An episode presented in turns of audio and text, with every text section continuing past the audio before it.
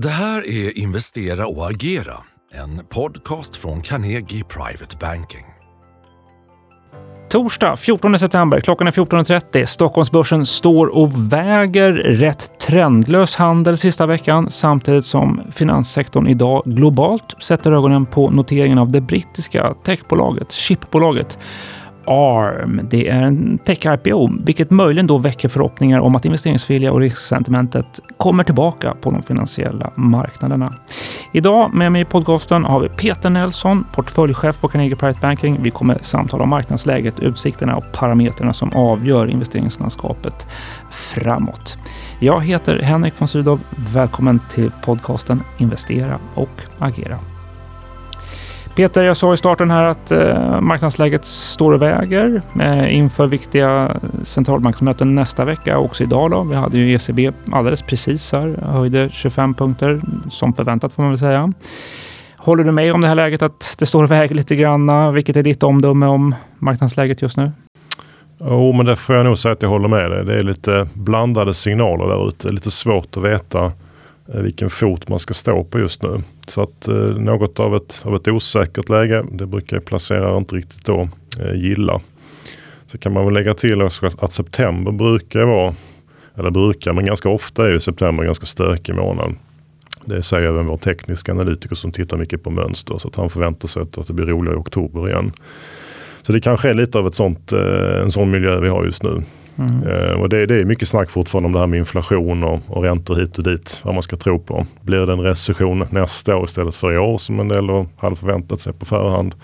Eller blir det en mjuklandning? Och grejen är att en recession eller en mjuklandning är ju rätt olika implikationer på vilken typ av investeringar man ska ha. Så att det, är liksom, det, är, det, är ingen, det är ingen fråga man sopar under mattan direkt heller. Så att ja, eh, jag håller med dig om att det är, det är lite trendlöst och sådär. Samtidigt ska man komma ihåg att Tittar du på, på globala aktier är faktiskt upp ungefär 20 i år i kronor mätt. De har förvisso en viss hjälp av kronan men ändå. Så det, det är inget dåligt börsår även om vi säger att det är lite trendlöst. Och även svenska börsen, OMX-index är väl upp 9 Mm. Det var bara det att mycket avkastning kom redan i januari. Precis. Så det har varit lite trendlöst, trendlöst efter det då. Men det är ändå det är bra börsår ska man komma ihåg samtidigt som man tycker att det är lite trendlöst. Svag sommar och hur, relativt ändå då inte allt för stökigt september hittills? Nej det kan man inte säga. Exakt. Det är ju det är absolut ingen, eh, ingen större oro utan det är väl bara att man, man väntar tror jag, på lite nya signaler, lite nya injektioner. Mm. Väntan på nya signaler, det är återkommande. Du träffar ju precis som jag återkommande privata investerare. Hur skulle du beskriva mm, humöret hos dem, sentimentet hos eh, svenska investerare just nu? Ja men det speglar väl lite det vi precis pratade om. Mm. man avvaktar. Jag tror det, det, känns som att det är ganska få som är så sugna på att ta liksom, ny risk eller ta, ändra i sina portföljer. Utan man, man är väl hyfsat kanske då nöjd med den exponering man har och funderar lite grann på liksom vad som är nästa steg. Så att jag tycker det, det, det, det är i linje med det vi pratade om tidigare. Det är mot, lite motstridiga signaler som är svårtolkade och då, då, då vilar man på hanen lite grann. Mm. Det, det, är den miljön vi tycker vi precis, ser. Och samtidigt ingen rädsla, ingen som tror på ett stort ras. Nej, det, nej, det kan man inte heller säga. Det, precis, det är ingen, ingen som direkt säljer heller utan man sitter still i båten. Just det, och väntar på klarhet om makrobilden ja. framåt. Ja. Fler frågor om vad, vilket konjunkturscenario vi ser framför oss 2024 och så vidare. Ja. Du, på det temat då, vad, vad tycker du är en vanlig och viktig fråga från investerare just nu? Jag tänker att den vanligaste frågan vi brukar få det är väl i princip där ska börsen upp eller ner såklart. Det, är många mm. intresserade av. Men jag skulle säga att just nu tycker jag det har svängt om lite grann för att det är väldigt mycket snack om kronan. Vår valuta som är så svag. Även media har ju slagit upp där ganska stort de senaste, den senaste tiden. Mm. Um, så det, där tror jag en del liksom funderar uh, vad det är som håller på att hända egentligen. Jag tittade precis innan vi, vi satt oss här i studion. Jag menar, dollarn är över 11 kronor. Uh, euron närmar sig 12. Det är liksom rekordsvagt mot, mot just uh, mot euron. Uh, även dollarn närmar sig rekordsvaga nivåer. Så att det är klart man kan ju både tjäna och förlora på det här med, med, med en svag krona. Exportbolagen tycker väl på ett sätt det är ganska trevligt eh, när intäkterna i andra valutor ökar i kronor. Och mm. Svenskar som reser tycker såklart att det är ganska jobbigt. Jag tror även Riksbanken tycker det är lite jobbigt därför att det är, vi importerar med inflation med, med en svag krona. Mm. Och många undrar ju liksom bara, tar det aldrig slut? Um, ska vi ha en, en krona som kontinuerligt försvagas? Det är väl liksom en fråga som många ställer sig. Om det där är ett samtalsämne som kommer upp eh, i samtal med investerare, vad, vad är din kommentar? Har vi någon kron-comeback i korten framåt? Vad, alltså, vad kan vi ana? grund och botten tycker vi att valutor är rätt svåra att, uh, att prognostisera. Speciellt då på, uh, liksom, på, på, kortare sikt. Det finns en viss, viss uh, inslag av stokastiska rörelser. Men vi är väl i grund och botten så är väl ändå med trenden är ganska tydlig. Och så länge vi har en en inflation som är lite högre än många andra länder och en ekonomi som också är lite svagare. Som det, är det, det scenariot vi har just nu. Då får man nog kanske leva med att faktiskt kronan kommer att vara en valuta som många undviker. Mm.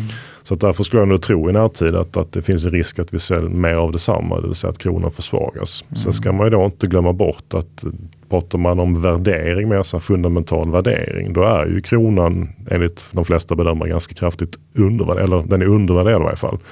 Så det är klart, skulle det hända någonting som förändrar den här bilden som vi har just nu, då skulle man kunna se att en ganska kraftig rörelse åt andra hållet. För många har nog, det är inte så många som är beredda på en starkare krona. Mm. Möjligen när omvärlden får klart för sig att det inte är aktuellt med någon fastighets eller bankkris i Sverige. Till exempel. Det, en... det, kan säkert vara en sån faktor. Som att, att, så att jag tror igen, eller igen, räntan är väl säkert, kan, kan, kan svensk inflation komma ner lite och eh, vi fick ju faktiskt ett inflationsbesked idag som ju var åtminstone lite, det var mindre, mindre dåligt än väntat kan vi väl säga. Då. Så att, skulle vi kunna se att inflationen kommer ner lite snabbare här och att därmed kanske pressen på räntorna också avtar. Det, är mm. väl ett, det borde kunna gynna kronan lite grann. Åtminstone mm. teoretiskt så borde det vara så. En stor händelse den här veckan, eh, som vi nämnde i starten, är ju noteringen av brittiska ARM. Det är ett halvledarbolag eller chipbolag, eh, däckbolag får man säga. Då. Det är mycket uppmärksamhet kring det. Eh, ja, det är uppenbart en mycket stor eh, notering. Vill du, vill du utveckla varför är den viktig? Nej men det är väl som du sa att den är stor. Vi pratar ett marknadsvärde här väl på åtminstone en 50 miljarder dollar. Så det, det är en rejäl summa pengar. Eh, och nu har det ju, hela noteringsmarknaden har varit lite under isen här ganska länge. Så att det är klart att alla, liksom, man, man tar det som en, eh, någon typ av temperaturmätare på riskvillan i marknaden att gå och göra en sån här transaktion och sen också hur den tas emot. Hur kommer kursen utvecklas då i närtid. Så det är väl det som är det intressanta med det här. Det finns ju många andra bolag som också vill kanske då börsnotera sig och ta in pengar. Så att det blir en viktig temperaturmätare samtidigt. Och sen är det ju techindustrin, det här är halvledarindustrin, den har ju varit ganska het. Så man vill liksom se om riskviljan finns kvar där fortfarande. Mm. Men jag tror samtidigt, vi ska nog kanske inte Även om det är en stor transaktion så ska vi nog inte tror jag, övertolka det för mycket. För det är ändå ungefär jag tror det är 10% av bolaget som sätts på marknaden. Så det är, liksom, det är en ganska liten del av, eh, av, av det här bolaget. Mm. Jag tror egentligen att ägaren vill ha ett värde på det och se vad det här är värt. Det är nog det som är den stora anledningen att de, att de noterar det här bolaget. Just de behåller kontrollen. Och det ska ju ticka många boxar då för en notering. Eh, dels att eh, det faktiskt finns ett track record. De har en historik ja. över tid. Det är ju det här AI-inslaget också. Plus att de har, om jag förstår det rätt, något inslag av stabilitet i affärsmodellen. Uh, ja, det finns återkommande intäkter. Precis. Som, som, som gör det lämpligt. Då. Du, spännande att följa förstås. Uh, vi ska prata mer om vad som är temat, så att säga, liksom så här, mm, trigger för att börsen tyd, mer tydligt ska, ska, ska lyfta. Den här IPO kanske inte riktigt för svenska marknaden, möjligen på, på lite sikt. Ser du någon, någon tydlig händelse mm, eller trigger för att risksentimentet och investeringsviljan ska komma tillbaka? Nej, alltså, vi pratade lite kort om det här med säsongsmönstret innan. Så det finns ju en del som tror att när vi kommer in i oktober så, så kommer liksom, vi, vi lägga det här med det tråkiga sommarhalvåret bakom oss och vi går in i det lite mer positiva vinterhalvåret. Att det skulle kunna säga vara en trigger. Vi letar oftast efter lite mer fundamentala anledningar och då kommer vi tillbaks till räntan. Jag tror fortfarande att det är liksom den, den kanske en, om man ska en enskilt viktig faktor, då är det ju räntan. Att kan vi få en tydligare bild av att, att, att den stora ränteuppgången är bakom oss. Att man till och med skulle kunna tro kanske på lite fallande räntor. Mm. Om det är ett sånt scenario man kan liksom börja blicka fram emot. Där mm. tror jag vi har liksom en mer tydlig trigger för, för, för en bättre börs. Men, men som jag sa innan, kom ihåg att det är inte så att det har varit ett dåligt börsår. Mm. Så att, det har ju gått ganska bra. Liksom. På det temat då, vi går mot Fed-möte nästa vecka, också riksbanksmöte. Eh, från din horisont, vilka besked spanar du efter? Nej, men det är ju såklart vilka signaler de skickar. Det kommer komma lite nya prognoser på vad de tror om tillväxt och inflation. Och det är ju sånt som vi och alla andra marknadsbedömare är väldigt intresserade av. Förmodligen kommer själva räntebeskeden att bli i linje med prognoserna. Det vill säga att Fed förmodligen inte höjer mer men samtidigt skickar någon typ av signal om att man står beredd att ifall det behövs längre fram göra mer. Medan Riksbanken förväntas ju höja med 25 punkter åtminstone. Mm. Så att det, men det är just de här framtidsprognoserna som vi såklart är, är intresserade av. Mm. Ehm, och om man kan dra några nya slutsatser egentligen av det här. Då. Sen mm. så, så att ja, nej, jag skulle säga att det, det, det, det är den typen av grejer. Det som har skapat rubriker och också då varit en ganska tydlig rörelse på marknaden, oljeprisrallyt får man nästan prata om det. Oljan nu över 90 kronor på Brentpriset. där. Stigande oljepris, det, ja, någonstans så trycker det på den ändå då avmattande inflationen. Kan det där ge marknaderna skrämsellägga? på marginalen, inflationsoron kommer tillbaka? Ja, på marginalen kanske. Som sagt, vi är uppe på 93 dollar fatet. Mm. Det var ett tag sedan vi hade det. Um, så att det, det är helt klart har det hänt någonting där. Um, så att ja, på marginalen tror jag det. Men jag tror ändå att det är lite för tidigt att det liksom i någon större bemärkelse skulle sätta ett avtryck än. Och det beror också på att det är mest just oljan. Skulle vi se att även alla andra, att det är fler råvaror som behöver röra på sig. Att kanske att, så att transportkostnader går upp igen och etc. Att det blir liksom fler saker. Då skulle ju lite grann det här inflationsoron komma tillbaks lite. Men så länge det så att säga, bara är oljan så är jag inte säker på det. Men det är klart att det är ju uppenbarligen att man, man ser det direkt liksom att ja, bensinpriser och annat att det slår igenom. Liksom. Så att olja är fortfarande en viktig råvara. Så det är klart att det, det där är ju inte, det är inte positivt i den bemärkelsen. Det är det ju inte. Återigen Sverige sårbart här med kronkursen. Ja, blir... Oljepriset mm. slår in då och kanske också du sa oljepriset flera, flera råvaror som, som sticker iväg i pris. Kanske också oljepriset över tid. Alltså ju längre tid som vi har ett högt oljepris desto besvär, desto mm. kraftigare blir väl kostnadsvågorna ja, in i Absolut, mm. så är det ju. Så vi får, väl, vi får väl avvakta lite. Det är väl värt att hålla ett öga på det tycker jag. Men, mm. men som sagt, jag tror det än så länge behöver vi nog inte vara jätteoroliga. I det här landskapet som vi har pratat om, hur tycker du att privata investerare ska agera? Ja, nej, men vi är väl lite tråkiga på ett sätt att tjata vidare om en del av de råden som vi brukar ge. Det vill säga att sprida riskerna just när vi inte riktigt vet då heller vilket scenario vi har för nästa år. Eh, och att det kan vara ganska olika typer av scenarier vi möter. Då är det ju sprid risker, är det lite så här gratisrådet som finns. Mm. Jag nämnde ju här att, så att säga, globala aktier är upp 20 procent i år. Så återigen, glöm inte bort att även ha globala aktier i portföljen. tycker vi är jätteviktigt. Fortsätt med det. Speciellt om då faktiskt kronan fortsätter vara en svag valuta så kommer det där löna sig. Och sen så har vi det här med räntebärande. Att har man fortfarande inte riktigt fått in det i sin portfölj så är det ju hög tid nu när vi har så pass höga fina räntor eh, när man får bra avkastning så att man får in det i sin portfölj också. Och sen så på mer generellt också håller till stabila bolag. Eh, när man liksom väljer aktier, väljer obligationer. Det, det, man behöver inte ta extra mycket risk just nu för att ändå få liksom en vettig avkastning tycker vi.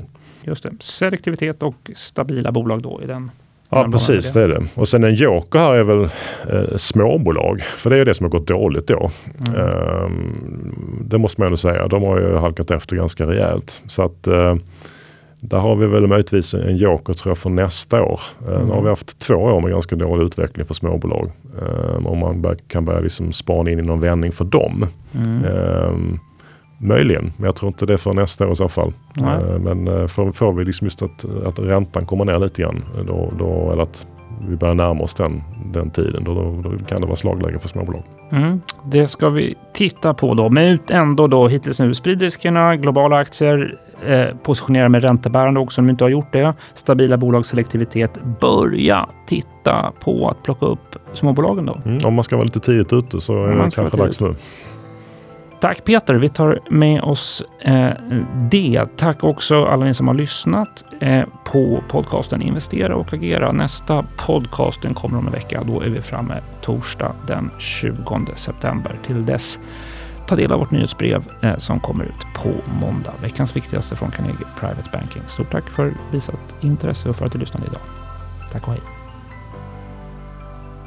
Är du intresserad av topprankad aktieanalys och unika investeringsmöjligheter? Gå då in på carnegie.se privatebanking och lär dig mer om vad du får som private banking-kund hos oss.